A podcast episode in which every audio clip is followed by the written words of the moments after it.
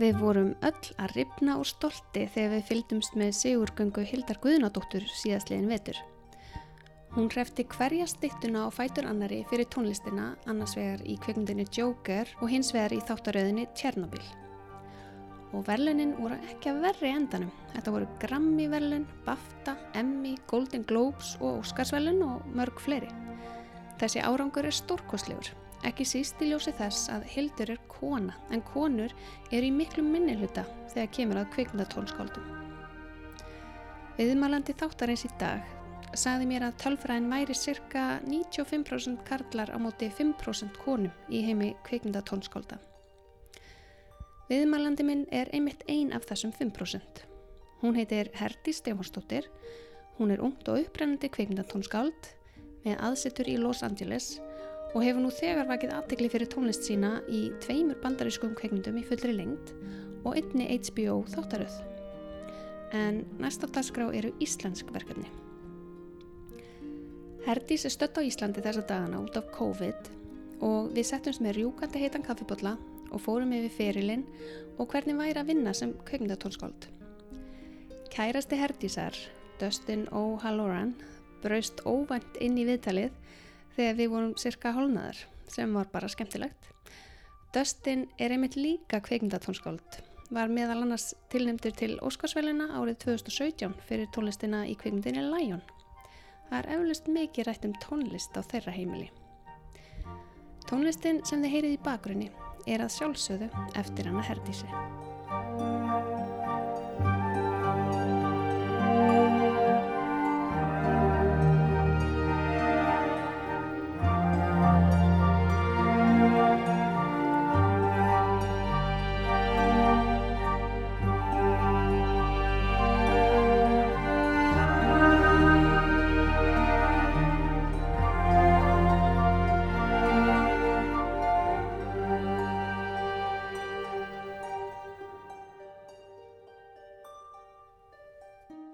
Hjá mér situr Herdi Stefansdóttir, tónlistakona og kvikmyndatónskáld.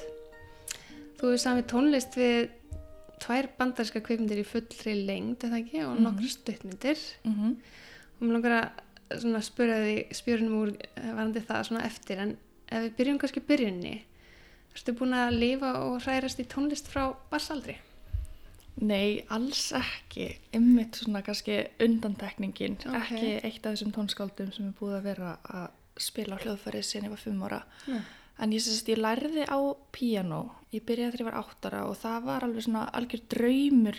Þú veist, ég var ekki látin í tónlistarnám heldur alveg grátt bað um að fá að læra Ok.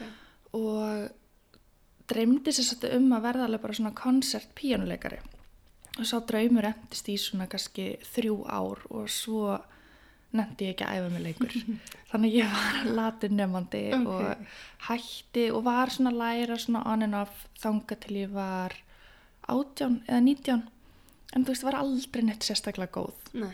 alveg bara svona, þú veist, löt og þú veist, fannst einmitt nefndi ekki að læra verk og verk eftir aðra en var svona öruglega án þess að pæla í því alltaf eitthvað svona smá að semja. Já, bara algjörlega ómeðvitað. Já. og því var einhvern veginn það var svo ótrúlega fjarlægt fyrir mig að fara í tónlist og að það væri eitthvað sem ég gæti gert. Þannig að þú veist, það kom ekki fyrir miklu setna Ok, þannig að, þannig að þú ert búin að læra píano þannig að frá 8 ára til og 18 ára aldurs alveg en bara svona, já, ekkert mikill metnaður svona í engin, æfa sig. engin vikingur Nei. þú veist, bara svona, Já, svona miðlungsnemandi ok, þannig að á þessum tíma þá ert þú ekkert að stefna því að verða tónlistakona.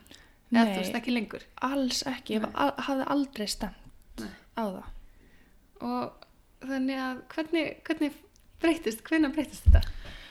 Sko, já, þetta var einmitt svona, þú veist, ég var alltaf einhvern veginn, þú veist, ég var í, í leiklist og í kórnum í mentaskóla og þú veist, þannig að ég var einhvern veginn alltaf í einhverju svona skapandi en var algjörlega samfærð um að ég yrði að vera læknir eða lagfræðingur ok. eða gera eitthvað ótrúlega praktist. Já, í hvaða mentaskóla? Ég var í MR Já, og einhvern veginn, þú veist, það var bara eitthvað sem ég var búin að býta í mig Mhm. og eitthvað sem að ég varð að gera þannig að ég um, fór skráði mig í lögfræði Mhm. og mér finnst það mjög, mjög leðilegt. Með fullri virðingu fyrir lögfræðingum og mamma mín er lögfræðingur og þú veist, Mhm. afi minn var lögfræðingur og allt það. Uh, en þetta átti bara engan veginn, þú veist, þetta hendaði mér engan veginn. Og það var eiginlega í þessu námi á fyrsta, þú veist, ég var í eitt, eitt og hálft, tvö ár í lögfræði og það var þá sem að ég einhvern veginn byrjaði bara að, þú veist, ég kom heim eftir skóla og settist við píanóið og spilaði. Og svo byrjaði ég bara að læra sjálf. Ég byrjaði að læra tónfræði sjálf og bara einhvern veginn sökva mér ofan í alls konar pælingar þú veist, bara af því ég hafði áhuga á því. Byrjaði að læra að útsetja fyrir kór og strengja kvartett og alls konar. Ó, og var einhvern veginn bara semjufullu. En samt, þú veist, þrátt fyrir það að ég var að semja tónlist og að þá kvarlaði ekki af mér að ég geti gert eitthvað við það. Og það var eiginlega ekki fyrir hérna vinkona mín sem var þá í listaháskólanum í leiklist sagði hérna, vissur að það er að læra tónsmíðar? Og ég var bara, tónsmíðar, hvað er það? já. og hún bara, já það er svona sem að tónskald gera svona fólk sem semur tónlist og getur lært svona bara eins og þú ert að gera sjálf. Og ég er, ó, Og varst þarna, hvað, 22 eða hvað? Já, 21, tvekja og þannig ég ákveði að sækja um og kemst inn og þá var ég líka Ah. alltaf bara já, já, ég er bara rétt að prófa og svo fer ég að gera eitthvað annað, þú veist og svo bara einhvern veginn gerðist það aldrei Þannig að þú lærði það, hver, hver sótturum? Já, í listaháskólanum lærði ég, sem sagt, Mm. tók ég B.A. í tónsmiðum og svo enda ég á að fara í master líka í New York Já, já. þannig að, Í, já, þannig að þú klárar, hvað er þetta mörg, nei, mörg ár hérna heima? já, þetta er þrjú ár Þrjú ár heima og svo þegar þú er búin að klára það þá ertu bara ákveðin að þetta er málið fyrir þig og sækir um úti. Já, samt ekki, þú veist, þá Nei. var ég einhvern veginn búið með þetta klassiska tónsmiðanám og var byrjuð að pródusera svolítið og svona fara í forrið og meira svona raftónlist og var líka með bara að kenna mér sjálf og bara Mhm. horfa á YouTube og eitthvað. -hmm. Og þú veist, ég man ekki, þetta var svona svipað þá einhvern veginn, þú veist, ég var kvikmyndatónlist, einhvern veginn að fara út í það var eitthvað sem að, þú veist, ég veit ekki eins og hvernig það gerðist. Já, þannig að það var engin svona eitthvað moment sem þú á... Nei, það var engin uppljómun eða Nei. neitt, þú veist, það var einhvern veginn, þú veist, ég var einhvern veginn að vinna með dansurum og, og leikstjórum og var svona byrjuð að vera alls konar samstarfi. Mm Já, þetta var allt bara svona frekar random, þú veist, ekkert eitthvað. En skólinn sem að þú fórst í úti, Já. hvað heitir hann? Eh, NYU, New York University.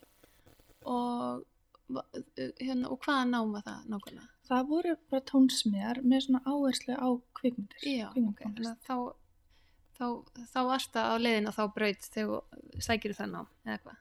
Já, nema í náminu sjálfu að þá einhvern veginn, þú veist, já, fannst mér þetta svona frekar óraunhæft Mm, og ok. fór, þú veist, ég hætti í ná, náminu og Nú, fór að gera eitthvað annað og var mikið bara að gera mína eigin tónlist. Já. En það var svona fram og tilbaka, en mhm. Varstu einhvern tíðan í hljómsveit eða? já, hljómsveit sem heitir, uh, hét, við erum ekki starfandi lengur, Nei. East of My Youth. Ok, var þetta íslensk Já, hljómsveit? Ok. Og hvenær var hún starfandi þá? Á hvað tímabili í þessu? já, svona þér? 2014, 15, 16, 17. Var það meðan þú varst í náminu hérna heima? Varstu, varstu að byrja í því? eða? Já, það er bara svona eftir námið hérna heima Já. og meðan ég var í New York. Já, Þannig voru svona, já. ok. Og hvað varst þú þá að gera í hljómsveitinni? Hvað, ert þú þá á Já, hljómborðinu? bara, við vorum bara tvær. Tvær? Já, Ok. þannig það var, Svona raftónlistar? já, svona raf pop. Já. Já, ok. Þannig bara, við vorum bara að gera allt. Já, Allt syngja líka? að. Nei, ég reyndar söng ekki. Hinn, Telma Marín söng. ok. En hérna, hvernig var síðan námiðan úti og hversu langt var það? Það voru tvö ár Já. sem að ég, já, ég hætti, Já. ég sagt, já, ég fó, hætti í skólanum eftir eitt ár og fór að vinna fyrir Jóhann Jóhannsson, Mm. tónskáld í Berlín. Þannig að þú fluttir þá til Berlínar í einhvern tíma. Já, það var allt mjög óvænt, já, bara svona skyndilega. Mm, hvernig kom það til? Það var hérna sem sagt um, myndin Theory of Everything, það var verið að sína hana í New York og þar hitti ég Jóhann Já. og kynntist og bara kynnti mig fyrir honum og svo hérna já, nokkru mánuðum setna þá heyrði ég í honum og spurði eitthvað svona vantar þið mögulega aðstof og hann vantaði ekkert þá en svo allt í hennu og svo heyrði ég honum einhvern mann aftur og var þá að koma til Berlínar og spurði hvort það þetta mikið hitta sig í kaffi og þá sagði hann eitthvað svona já, viltu ekki bara koma upp í stúdíu þannig að þá, já, vantaði hann hjálp. Já, og hérna var það ekki útrúlega lærdomsríkt og Jú, það var náttúrulega bara fyrsta svona insýn inn í það bara hvernig þessi heimur virkar og hvernig Já. það er að vinna í svona stærri verkefnum. já, frábært. Og þá kannski kveikti það almennilega nestan hjá þér að fara út í þetta? Já, nei, raun og vera ekki. Þú veist, ég veit ekki alveg hvað ég að segja. Veist, ég var einhvern veginn, já, var bara mestmengnis fókusir á að gera tónlist Mm. og sama hvað. Veist, þannig að það var einhvern veginn já, og já, aðla bara og það er líka bara erfitt að vinna fyrir sig sem tónskáld og það er einhvern veginn að vera sniður og þú veist, finna Mhm. út úr því bara hvaða leiðir eru til að þú veist, mm heimi, bara geta lifað af já, já, nákvæmlega. En hérna, síðan meðan þú ert í skólanum í bandaríkinu, þá ert að semja tónlist við stuttmyndir og svoleiðis, það ekki? já, þá var ég mjög duglega að samja við stuttmyndir og líka bara vinna mér einn auka penning bara með Já. náminu Já, og svo, en það er ekki fyrir eftir úr kláranámi, þá hérna færðu fyrsta verkefni, eða sérst kvikmyndinu fullri lengt sem ert að, já, það var einmitt líka South Mountain, eða ekki? já, það var einmitt bara út af því að ég hafði gert stuttmynd í sér satt fyrir nefnda í Columbia Háskóla í New York. Já, og svo stuttmynd fór á kvikmyndaháttíð hérna Palm Springs International Film Festival. Og ég fór þangað af því ég bjó í LA já, og þessi leikstjóri og hún þekkti líka hljómsveitina mína þannig að hún einhvern veginn hafði svona já, fylgst með mér og það, þannig kom það til ok, sem var bara svona svo þrjumur heiðskýri lofti af því Já. ég var ekkert að búast við því nei, að það myndi gerast nei, einmitt. Og, og síðan, svo var ein mynd í viðbútt, The Sun is also a star. Já, Kom það svo bara í kjölfarið? eða það kom sko eiginlega bara svona tveimur mánuðum setna en þú veist það var líka alveg bara algjörlega farulegt því að það var alveg svona proper stór framleiðsla Warner Brothers Já, já, var hitt svona meira indie. já, hitt var algjört indie og bara low budget mynd Mm en hinn var alveg bara svona Mjög stór. já, bara svona al algjörlega Já, vá. En, uh, og veistu eitthvað hvernig þú, hérna, varst valinn í það verkefni? Já, ég var sérst komið með agent sem er alveg frábær og hún stakk upp á því að, þú veist, og það er gert mjög mikið fyrir tónskáld sérstaklega til að byrja að þá senda agentarnir portfóljó með tónlist í verkefni þó að þeir viti að þú veist að þú sért ekki að fara að fá þau Mm. af því að það er oft fólk að Kveikir einhvern- vinna í framleiðslunni sem að þú veist, ef þetta er eitthvað sem að passa eða þú veist, oft man fólk eftir bara svona já, þú veist, þetta var ekki alveg rétt fyrir þetta en Mhm. nú man ég eftir þarna, já, þetta er íslenska tónskald, það var eitthvað Mhm. þannig að maður svona sendir inn portfóljó og þannig var ég bara nýbyrjuð að vinna með henni og sagði, já, viltu ekki senda hérna inn og við náttúrulega auðvitað, þú veist, byggumst ég hafði þá aldrei, þú veist, þetta var um vorið 2018 og ég hafði aldrei gert mynd í fullri lengt Nei. þau var ný útskrifuð úr skóla og hafði gert nokkra stuttmyndir og við, þú veist, byggumst náttúrulega engan veginn við því að fá svar. Mm af, þú veist, öruglega tugum tónskálda með fylgta reynslu sem að, þú veist, höfðu gert alls konar. Og við auðvitað fengum ekkert svar, bara eins og við byggumst við. Við bara auðvitað, maður bara, þú veist, sendir og reynir að, að kynna sig. Og hérna, og svo bara nokkur mánuðum síðar, kannski svona fimm mánuðum síðar, að þá sendir hún mér SMS og segir, já þessu skríti, ég er alltaf að fá svona meldingum að sé vera að streyma tónlistininn hjá Warner Brothers, að því að virka þannig að hún er með svona kláta sem að hún hleður upp tónlistinu og þá sér og hún meldingu Hver er að er verið að streyma. Og ég alveg, vá, en fyndið, ok, ég er greinlega eignast einhvern veginn aðdáðandaðna sem er að, þú veist, fíla þetta og er að hlusta. Og svo daginn eftir ringir hún í mig, hún er bara herdís, hérna, þú myndi ekki trúa þessu, hérna Warner Brothers voru að ringja og spyrja hvort það var laus. Og ég alveg bara, nei, bara hvert að tala? Og þá, svo það er bara leikstjórin heyrt tónlistinu mína og hugsa bara þrátt fyrir enga reynslu Já. bara já, þetta er tónskaldið Vá. Þannig að þetta var svona, eitthvað segir maður svona fárónleg hefni sem að Já. gerist ekkert oft sko, af því að það er oft svo margir veggir að vera Einmitt. ráðinn og Já, fá tröstið og svona nákvæmlega. Og hvað, hérna, ég, ég las einhvers staðar að þú hefði verið kas ólétt þegar þú byrjaði á þessu Já, verkefni. nota benni, ég var sko komin 30 vikur á leið Mhm.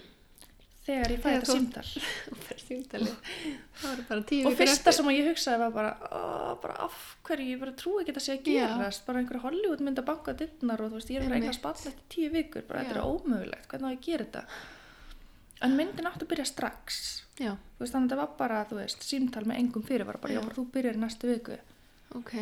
þess að ég kannski verið komin, jú, þetta var í, þú veist, óttabur ég átti í desember, nei, jú, Já. En, en svona, þú veist, þegar maður er að semja hérna, við kveikmynd í fulli lengd, hvað, þú veist, er, hvað er tímabilið, er þetta ekki svolítið stuttu tími, tveir mánuður? Eða Sko, hvað, hvað er það yfirleitt? jú, þetta er í stittri kantinu Já, að gera þetta á tveim mánuðum, Já. en það er mjög algengt já, ok. það er oft gert þannig, þú Ok. veist, 30 mínútur á tónlist og þetta er bara mjög rættferðli en auðvitað stundum, þú veist, fá tónskál miklu meiri tíma Já. og byrja jafnvel til að fara handritið, þú veist, stundum en þú getur alveg gert þetta á tveimur, þreimur mánuðum og það er bara Já. frekar algengt. og hvernig gekk þetta svona?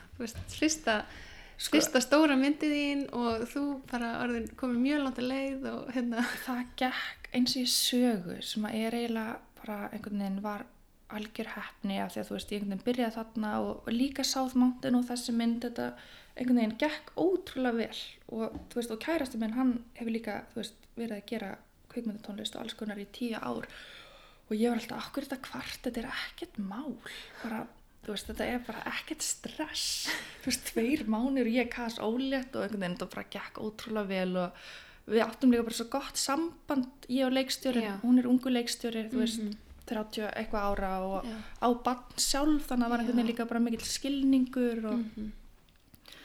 Æ, þú veist, sem verkefni eru bara þannig að stundum Mhm. er maður bara rétt að manneskjan þá gengur það einhvern veginn bara upp og þetta er svona En- falleg mynd, eða ekki? Ég hef nú ekki séð hana, en er ekki Já, svona eitthvað romantísk? þetta eða er hvernig- svona, já, svona romantísk eiginlega bara, myndi segja bara svona næstu unglingamynd sko. Já, sem að Hérna- kannski fínt að vera í, í ekki of dramatísku verki þegar maður er já, algjörlega Já, þú veist, það voru svona dramatísk moment en þau voru alltaf svona svolítið saklaus og svona, þú veist Mhm. hérna, en bara, þú veist, mjög til dæmis, kannski, já, til dæmis að vera að gera hryllingsmynd hérna, þegar þú ert með alla Já, hormónuna í gangi og svona, það kannski var ekki alveg Nákvæmlega. viðandi. En það finna er, þú veist, að ég var bara greinilega svona heppin með þessar fyrstu tvær myndir af því að svo síðan þá hef ég lært að, þú veist, þetta er bara, þú veist, ég var mjög heppin af því að þetta er eiginlega bara oftast frekar hellað, sko. Já, ok. Hellaður bransi. en, já, er það flugur Um, að taka loft? á, ég bara loka. Sko, nú langar mér svolítið að heyra bara svona praktikina, þú veist, í kringum það að semja tónlistu kveikmynd. Það því að sko, þetta er náttúrulega örgulega rosalega alls konar, þú veist, það Mhm. getur verið alls konar, eins og maður heyrði náttúrulega af henni Hildi Guðnadóttur þegar Mhm. hún samtið tónlistunum Jokerin, það var mjög óheðbundið, eða ekki? Af því hún gerði það í rauninni áður en að myndinu skotin. Já, Og- svona hluta til Hluta og til. yfir líka mjög langt tíma. Já, yfir langt tímabil Mhm. upp úr handriti eiginlega. Hún les handrit og, og ímynda sér hvernig tónlistin er að vera og svo eru er þau að hlusta á tónlistinu með, meðan þeir eru að skjóta og, Mhm, á tökutímabilinu. Einmitt. En það er ekki svona standardin. Nei, yfirleitt ekki. Hvernig gerðið þú þetta til dæmis í þínum myndum? Þú veist, ég náttúrulega var, sko, já, þetta er náttúrulega svolítið takmörkur einslega að vera bara með tvær myndir og svo Mhm. eina sjómarserju Mhm. og það hefur allt verið ótrúlega ólíkt. Mm. Af því að South Mountain var einhvern veginn mjög, það var bara svona algjört indie-verkefni Mm. og ég gerði allt sjálf. Þú veist, ég tók upp tónlistina og mixaði og það var allt svona mjög frálslegt ferli. Mm Og svo fór ég í The Sun is Also a Star sem var svona Hollywood framleiðsla og þú veist, og þá er þetta orðið miklu stærra teimi Mm. og miklu harðari dagskrá Mm.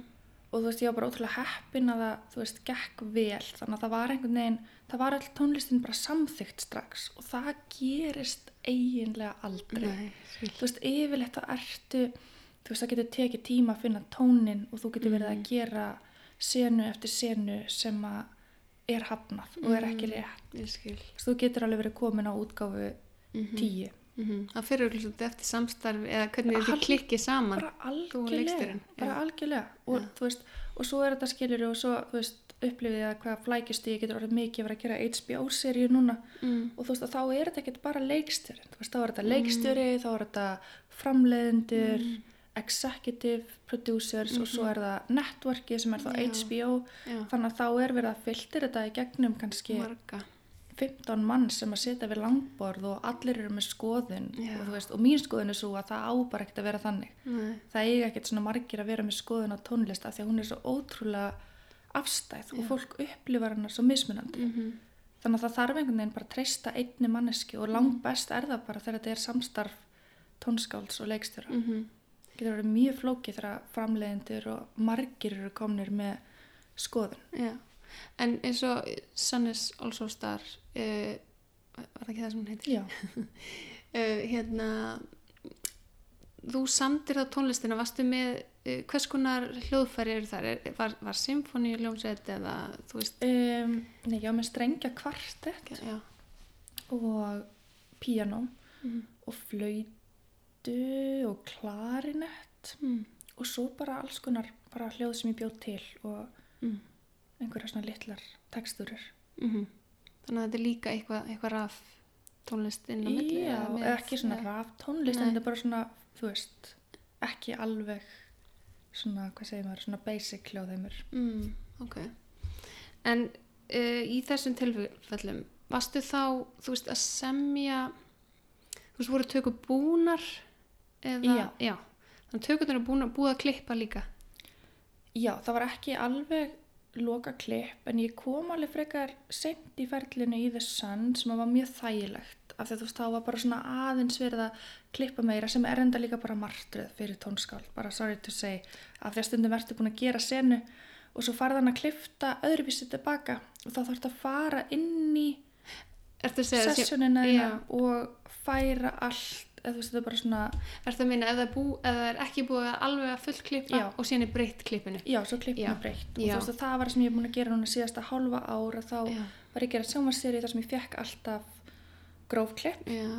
og svo ég afsaki, ég get ekki sagt allt á íslensku Mm. fyrir gróf klipp og svo eitthvað sem heitir fine cut, second fine cut final cut pick lock, þú veist þannig ég var að fá kannski fimm Já. Útgáfur og Já. svakalegar breytingar í Já, klippinu þetta. þannig að það var Það er alveg þá var maður að endurvinna efni aftur og aftur og aftur og aftur Mm og ég bara að semja hvern þátt næstu í tvisvar Er þá ekki bara betra að býða eftir læstu klippi og það er semja hægt Það er ekki hægt. þetta er svo hrætt Já. af því að þú veist þetta- það er alltaf gerast í rauntíma þú veist þannig ég fæ fyrsta þáttinn og Mhm. klára hans og fæ ég annan og þriðja og svo er ég komin á fjórða þegar að byrja að sína skil. og þá var maður að keppa í raun og verið við sko að klára þetta allt Já, vá. Vá. Hvað er þetta löng hérna serja? hún var sex þættir Sex þættir. Mhm. Og ertu búin að klára? núna já, hún var að klárast bara núna í daginn Ok, vá. Þannig að þetta hefur verið mm, lang prósess. Hvað varstu marga mánuði þá með um, þetta? já, það var alveg, já, svona fimm mánuðir Já, bara alveg mikil kyrsla. já, og örgulega margir klukkutímar á tónlist Mm En situr þá, uh, þú veist, hversu mikið og náið hefur, þú veist, já, unni með þessum leikstjörun, þú veist, koma þeir þá alltaf bara reglulega inn og, eða, um, náttúrulega sérstaklega eftir COVID að þá gerðum við alla þessa seríu þú veist, við hittumst einu sinni og svo var þetta allt gert allt yfir netið Já, ég skil. og maður talar auðvitað mikið saman bara í síman Mm -hmm. þú veist, við leikstjórna, það var alveg yfirleitt verið þannig á mér að maður Mhm. um eitt hittist og ræðir þetta en það er einhvern veginn fyndi hvað maður þarf lítið, þú veist, tónskáldið þú veist, ég gæti þess vegna verið á Grænlandi það skiptir einhver máli Mm, já, að hérna, maður gerir þetta bara mikið yfir, yfir síma já, svo lengi sem maður er komið með kontakta já, úti og svona. En hérna, um, hvað með svona, nú veit ég hvort að allir sem er að hlusta þekki, hérna, hugtækið temp músík. Mhm. en það er svona, þú veist, temporary tónlist sem oft klipparar setja inn þegar Mhm. þeir eru að klippa uh, að því að þeir svona vilja fá, þú veist, uh, finna svona rithman í klippinu og finna hvort að klippi virkar og svoleiðis. Uh, hvað finnst þér um það? Það er náttúrulega ekki allir klipparar sem gerir þetta, en margir. Fa- finnst þér það pyrrandi eða óþægilegt eða Sko þetta er alltaf gert, yfirleitt alltaf, Alltaf, bara í öllum svona bandariskum mm. verkefnum að þá er yfirleitt alltaf komin og oft er það ekki bara klipparinn heldur líka bara leikstjórinn Mhm. sem er þá að velja uh, temp trackið Mhm. eða eins og það heitir Mhm. og það getur verið mjög flóki fyrirbæri af því að stundum verður leikstjórinn mjög hvað segir maður svona tengdur tengdur því og það gerist alveg að maður er eiginlega bara þvingaður til að, að gera eitthvað svipað. Mm og það er, já þú veist það getur, já, eiginlega bara er það mjög flóki fyrirbæri fyrir tónskáld. Já, og stundum alveg bara, þú veist það sem að ég reyni yfirleitt að gera er að ég horfi bara einu sinni á sinnuna með tempdrekkinu mm og svo aldrei aftur. Já. og svo og það eina sem ég hugsa þegar ég er að horfa er bara, ok, hvað er klipparinn að hugsa, hvað, hvað er tempóið í þessu? Mm. og þú veist, þá finn ég bara aðeins, ok, veist, þetta veist, þetta er bara það sem að þarf það er verið að klippa við þetta tempó. Já, og það er stundum svona það eina sem að ég reyna að hugsa bara af því að þú veist, ef maður fer í algjörlega annað tempo að þú veist að þá fá allir áfall. Já, þú veist það er svo fyndið að maður, þú veist, vill alltaf reyna að passa það, skilur að þú veist, þeir eru orðum vön tempra ekki okkar sem að lifa með því einhver tíma að fólk fá ekki áfall. Já. En hérna þannig að maður þarf svona einmitt svona að hita upp maður þarf svona að fara svolítið svona varlega að þessu öllu saman, smá svona sálfræði frá tónskáldinu sko. Já, og svo getur maður að byrja að færa sig upp á skafti og gert eitthvað, þú veist, allt öðruvísi eftir því sem maður er búin að svona já, en þú veist það góða er skilur að þegar þú ert ráðininn